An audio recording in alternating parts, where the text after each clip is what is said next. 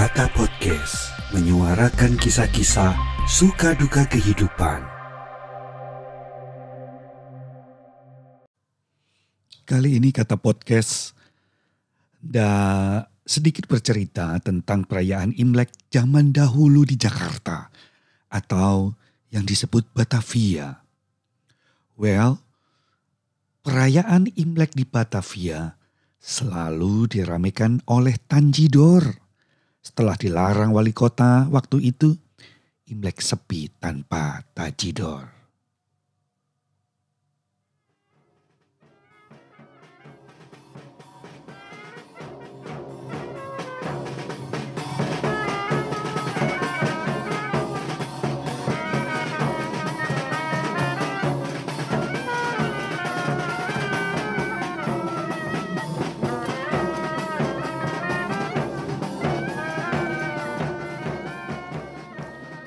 Jalan-jalan raya di daerah Glodok, Pancoran, Senen dan Jatinegara riuh ramai oleh musik tanjidor, barongsai, suling, dangsu, dan pemain akrobat rakyat serta topeng. Bukan hanya orang Tionghoa yang ikut dalam perayaan Imlek di Batavia. Ada juga orang Betawi, Jawa, Sunda, Bugis, Makassar, Arab dan Belanda.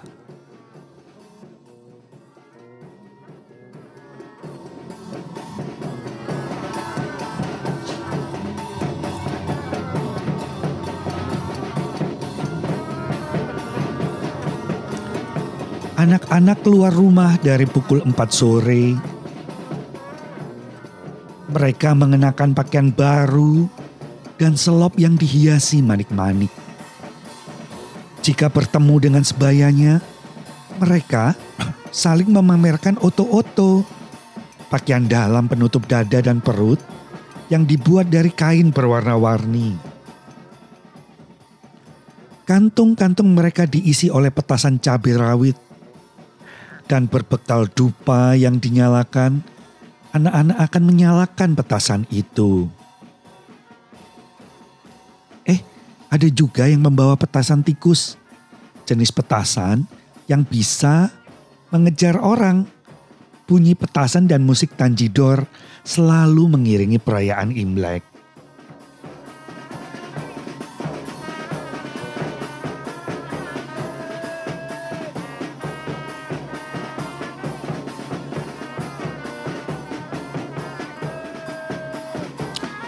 Perayaan Imlek juga diadakan di kampung-kampung. Tanjidor tak ketinggalan mengiringi.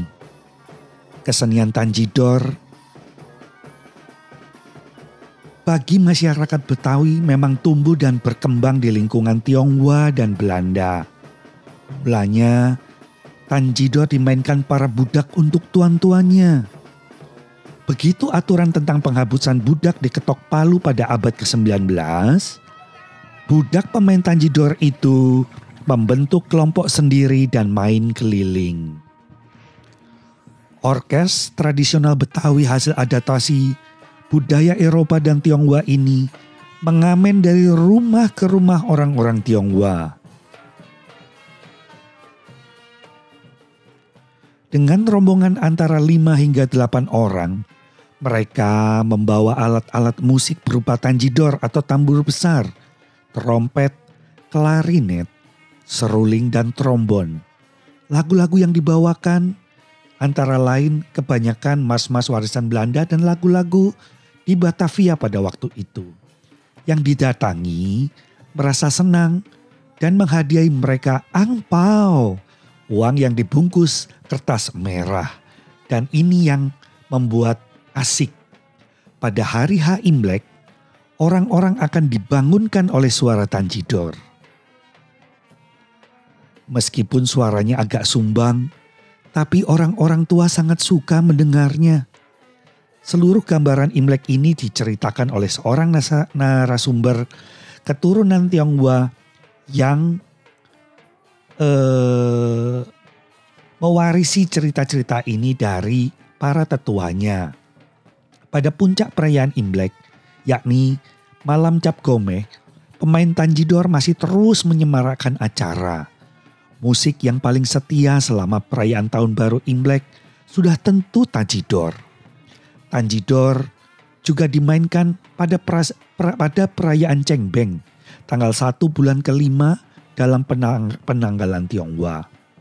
Pada perayaan Pehchun atau Pesta Sungai, dulu masih dirayakan di beberapa kali di Batavia seperti Kali Besar, Kali Pasar Baru, Kali Angke waktu itu, pemain Tanjidor disewa untuk meramaikan acara.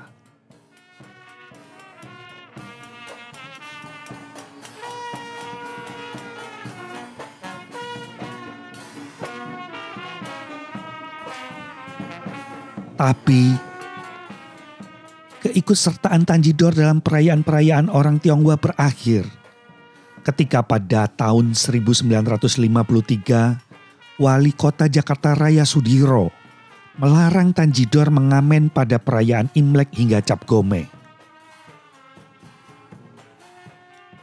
Alasannya, ketika para pemain Tanjidor mengamen untuk perayaan Imlek dan Cap Gome sama saja merendahkan derajat orang dalam tanda kutip pribumi. Menurutnya, golongan pribumi seolah-olah mengemis kepada para orang Tionghoa. Padahal, sebagai orang Jawa Sudiro tidak banyak tahu bahwa pemain Tanjidor adalah orang Betawi keturunan Tionghoa. Namun karena kulitnya coklat dan agamanya sudah Islam, mereka tidak lagi terlihat seperti orang Tionghoa. Ditambah lagi, secara ekonomi, orang Betawi keturunan Tionghoa dalam grup Tanjidor ini juga miskin dan tinggal di daerah pinggiran kota seperti Bekasi dan Tangerang. Karena sudah tidak memenuhi stereotip orang Tionghoa, Alhasil mereka disangka pribumi. Setelah dilarang mengamen oleh Sidwiro, kelompok Tanjidor tetap mengamen ketika Imlek tapi di luar Jakarta. Sementara di Jakarta mereka tetap menerima permintaan untuk tampil di berbagai perayaan. Bukan mengamen lagi. Tanpa Tanjidor, perayaan tahun baru Imlek dan pesta rakyat Cap Gomeh akan kehilangan pamornya.